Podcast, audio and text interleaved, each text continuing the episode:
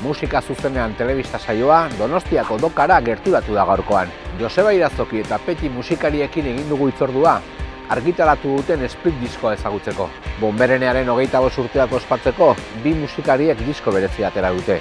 Bakoitzak bi kantu barnenatu diturarik bertan. Gaur gurean, Joseba Irazoki eta Peti. Betxo bera ergeldu Ez gehiegi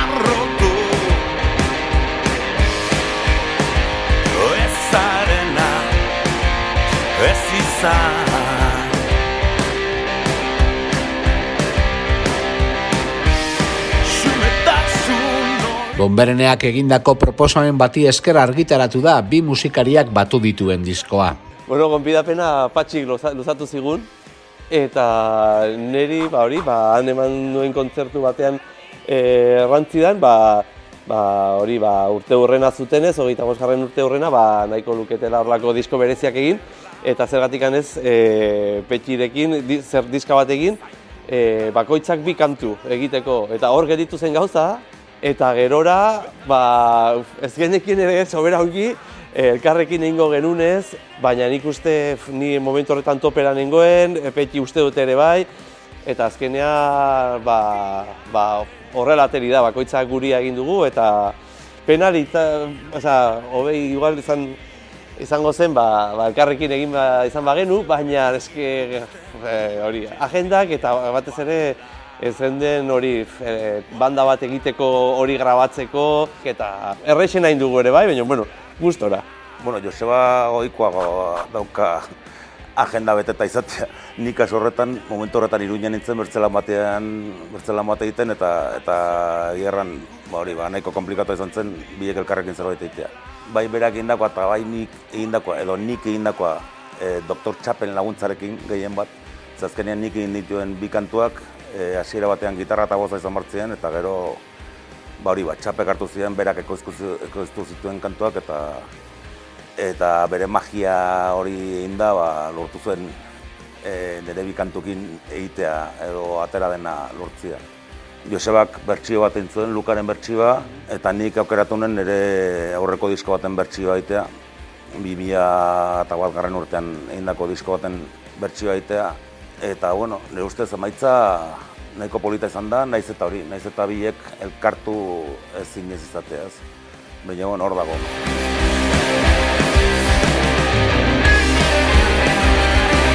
Petiko gehi aldiz jodu bomberenean, eta zuzeneko diskoa grabatu ditu bertan. Joseba Irazokik berriz, hogeita sei bider igo da gertoki gainera. Eta sarri pasa da bomberoko estudiotik. Bai, bai, bai. Bai, erran bai. Bombereakin gertatu dena, ba, ba urtero behin jo dugu edo, edo Ia urte, bai, bai. Josebaren kasuan segurazki urtean bido irutan Bai, izanen du. bai, bai, bai. Baina bai, ni goratzen naiz, ni jo nuen lehenengo aldia, bomberenen izan zen, ba hori, ba, hogeita bost urte, segurazki, oainik kristalak izorratuta zeuden, eta bai, erran, ba, beti dago hor gure bihotzetan eta beti saiatzen gara ba, deitzen gaituzten bakotxean han egoten eta eta bueno, gero nik aparte ba, hor bi hiru disko grabatu ditut bi zuzenekoak. Azkeneko diskoaren erdia ere han grabatu zen, txapekin egin genuen, e, nasketak eta berak egin zuten, eta bueno, eta Josebaren kasuan, ba, ez dakitzen ba jendearekin jo ezaren duenan, Mhm. baino, Bai, bai, bai. pilaka fiko. Bai, nik uste, ba, Euskal Herriko gaztetxe berezienetakoa izan du da, ez? Ez bakarrik izan duen programazioarekin, ez? Petik erran duen bezala, estudio propioa dauka, gero bilduma, hainbat bilduma atera ditu, ba, hor, e, ba, petire agertu da, nik nire lehenengo taldearekin onjorekin atera naiz, zakit zupekin ez dut uste, baina igual Montoiarekin bai ate, agertu ginela ere bai, baina batez ere hori e, gure lanak aurkeztu nahi izan ditugunean, ba, beti eduki dugula ditugula ateak zabalik eta eta gero ba, bomberenak izan duena ere bai izan du da, ba, nahiko profesional edo areto profesional bezala e, funtzionatu dula ja hasieratik edo saiekera hori egin dute eta hasiera hasieratik ba, soinu kondizioak onak ziren, inkluso zure kontzertuak grabatzen altzen dituen ba, etxean e, entzuteko edo autokritika hori egiteko edo lantzeko bere, ba, ez guretzako bomberenea jatea da ba, derrizko- derrigorrezko plaza bat, ez? Naiz luka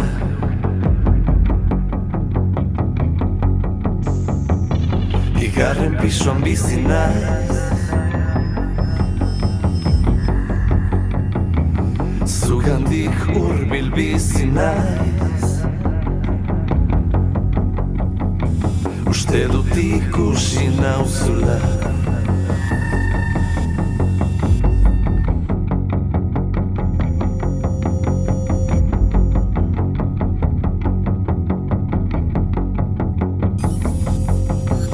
Musikari bakoitzak bi kantu sartu ditu diskoan. Josebak kantu berri bat sortu eta lan honetarako Susan Begaren Luka kantua moldatu du bere erara. Nire kasuan, be, kantuen aukera arketa izan zen pixka bat, ez dakit, e, ikusi nuen, ba, horrelako formato batean, e, single bat, bi kantu, ba, ez dakit, ba, ba, nolapait ere esperimentatzeko parada ematen duela, ez? E, Behingoz, behingoz behingoz esperimentatu duzu. esperimentatu, beti hartzen dite, baina noraingoan, ez, ez, noraingoan, beti bezala, pues, gauza probatu eta gauza denak, ez? Aipatu nien taldekoei, ba, ba, bertsio bat igual grabatzeko, eta, eta ados eh, egon ziren. Bertsioa, bai, bertsioa Luka da, e, Susan Begaren kantu baten bertsioa, e, e, berez e, aurren tratu txarren kontrako kantu bezala abestu zuen, nahiko ambiguoa, bere garaian e, jenteak e, aipatzen usten zuen bere, bere, beretaz edo solasten zuelako, baina ez printzipioz gero berak elkarrezketetan aipatu zuen hori zela e, ba, kantuaren gaia. Neri beti gustatzen zaizkit ba, bertsioak ba, zerbait gehiago eskaintzea, ez esatea ba, kantuaren ba, ba, berdintxua edo izatea, ez? Eta ba, horrela ateri zait, azken boladan ba, elektronika pixkat gehiago entzuten ari naiz, bere garaian nintzun nuen, eta bueno, ba, hola, hola animatu nintzen. Nik uste nuen Star Warsen pelikulan gati zela. Lucas Skywalker da. Ba... ez ez. Egon ginen pentsatzen Dire Straitsen bertsio bat egiten, te lo prome. Oh, asko zobeto ez. Baina...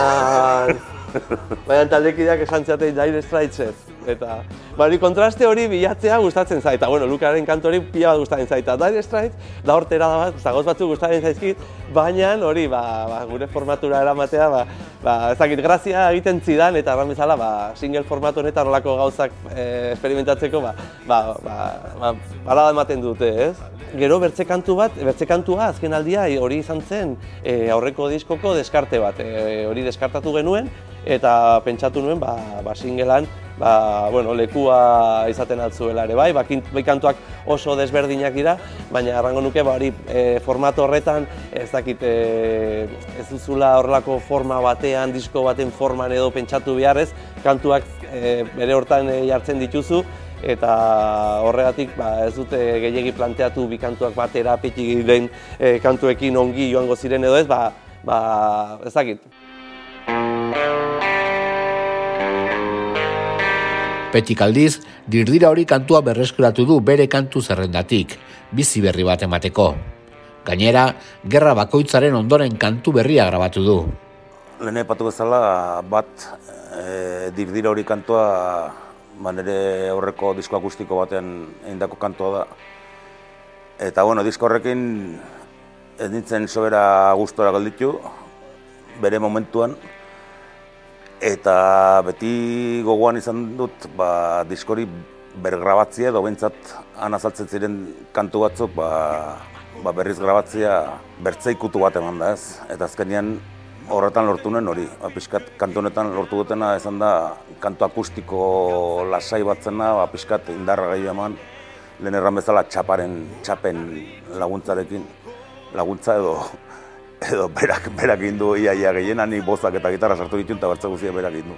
Eta kantu berria, enuena, gerra baten ondoren, ba hori anagalarraga lagunak hitza bializean behin, eta kriston gustora hartu nuen, eta azkenean erabaki nuen, ba, aproposa izan entzela, ba, hor ere sartzia, ze agian e, aurretik egindako diskoetan edo gaiangatik edo dena delakoangatik ba ez zen sartzen. Orduan aproposa iruditzen hemen sartzia bertze kantu horrekin.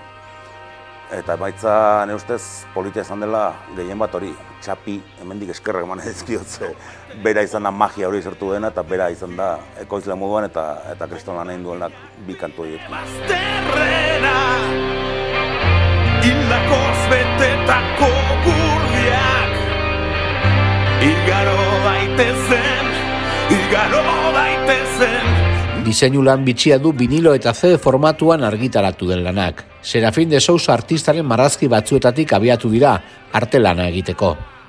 berriro ere, ba, horrelako diskoak egitea, ba, bon, bere neakintzak bezalako e, zigilu independiente autokoiztu batekin ateratzeak ekartzen duena da, ba, ez, da, ez egotea presupuestorik, eta berriz ere, ba, mesedeak eskatu ez nahi hori, ez? Eta, bueno, lan egin dut Ramon Zabalegikin haunitz, baina erraten nion patxiri, "Ai, nik mesederik ez diot eskatu behar berriro Ramoni, osea, ja eskatu dizkio bere garaian, eta orain nahiago dut, ba, diru, ba, ba, dirua dagonean deitua, ez? Deitzea, ez? Eta e, petxiri era, aipatu nien, ba, aipatxiri eta berari, bere egunean nire, nire zualtzara diskorako e, Tania de Sousak, e, ba, ba, horla eskuzabal eskaini zizkian bere gurasoen e, bere aitaren e, marrazki batzuk, ez? Bo, nik eskatuta, nik ikusi nun ba, Facebooken e, jarri zituela eta pila bat gustatzen zitzaizkidan, eta orduan e, patxi eta petxiri aipatu nien, hori ba, errexena ba, ba, horrelako etako marrazki batzuk erabiltzea, ba, doainik nitulako, eta nik personalki gainera gustokoak nitulako, ez? Orduan, ba, historia hori izan du da, ez? Serafin de Sousaren marrazkiarekin Odei Estebanek egin duen maketazioa, ez?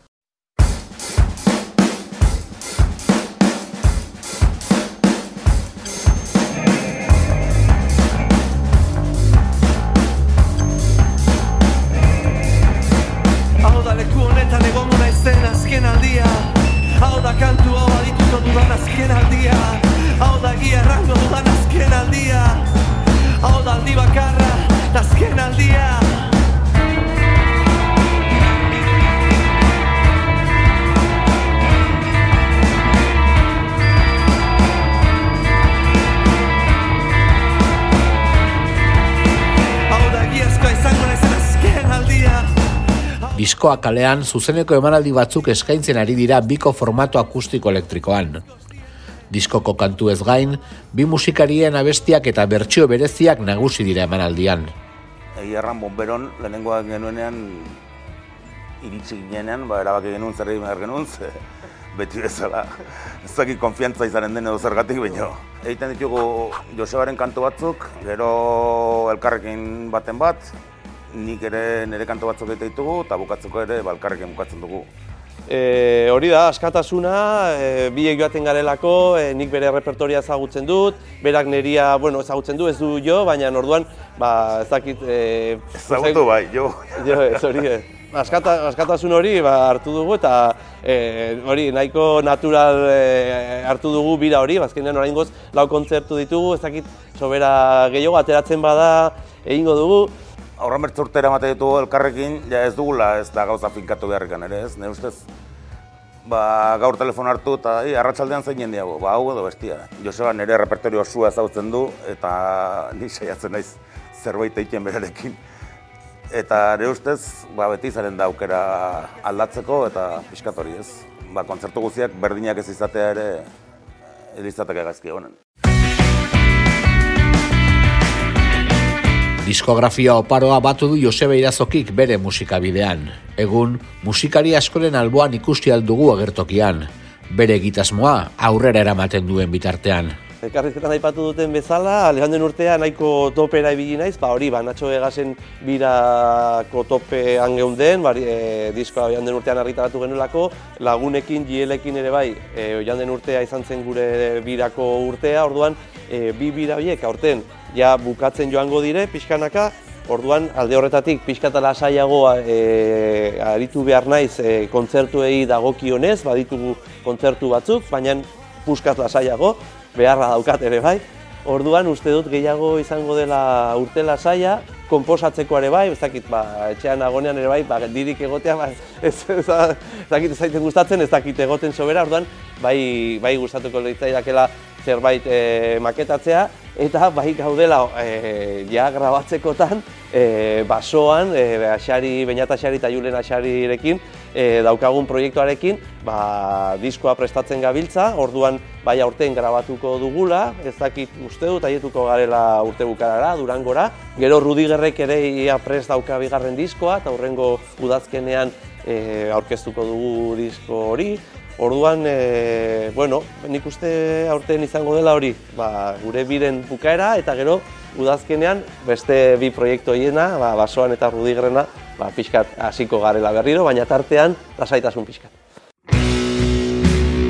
Estudioko amar disko baino gehiago argitaratu ditu petik, bakarka aritzen da, banda formatuan etxeko ustarekin eta orkesta txikia lagun ere. Eta hainbat ekimen eta jaialdietan hartzen du parte, abeslari bezala.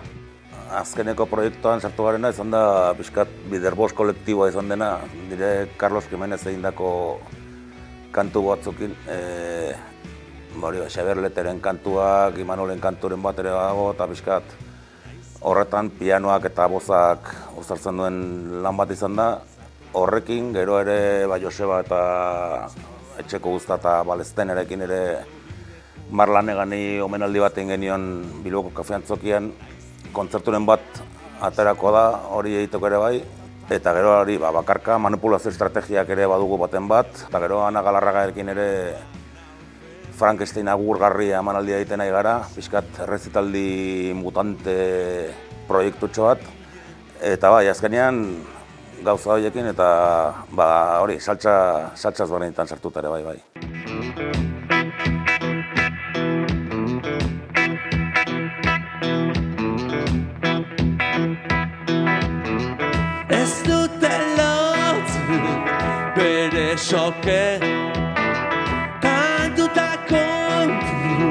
Isurtzen dire Pix, pix, pix, pixkanaka burrun banagertzen Ta bertze hainbat esperun daude Esperun daude Esperun daude Esperun daude Esperun daude Diskoak disko, zuzeneko musikariak dira irazoki eta peti. Eunka kontzertu dituzte bizkar gainean, baina emanaldi bakoitza gozatzen dute agertokian. Bai, noski, ni zuzenik hori gabe azkenean musika itea, ba, ez dakit zentzu ondiri daukan, ez? Piskat, grabaketa guztiak eta zerbait grabatzen duzunean azkenean zuzentzen aurkeztuko da. Eta, eta hori gabe, Joseba urduri jartzen baldin bada etxean bakarrik onda edo deus egin gabe on, ba, kontzertuak entzen badizki zu, ja, Ja. ez dakit nola honentzen. Kapa bai jarri beharko genuke, egaka, egaka ateatzeko zuen. Bai, hori da, nik uste hor e, gaudegu erosoen, ba, estenatokian, e, jendearen aurrean, eta hori egin izan dugu bizi guztia, hori da gure lanbidea, e, bai, e, gra, diskoak grabatzen ditugu, baina diskoak e, urtean behin gehienez grabatzen dituzu, grabatzen duzu, eta gero urte guztian zehar estenatokitan e, egoten gara, orduan hori da gure leku naturala. Nafarroako bera herrian sortu eta hazi dira bi musikariak, gure musik eszenaren gune garrantzitsu batean. Pablo Salgado Mendez kazetariak berako musika mugimenduaren buruzko liburu interesgarri bat argitaratu du berriki. Tartean, bi musikarien biografiekin. Aspalditik entzuten da, baina azken aldian honitzez gehiago, ez?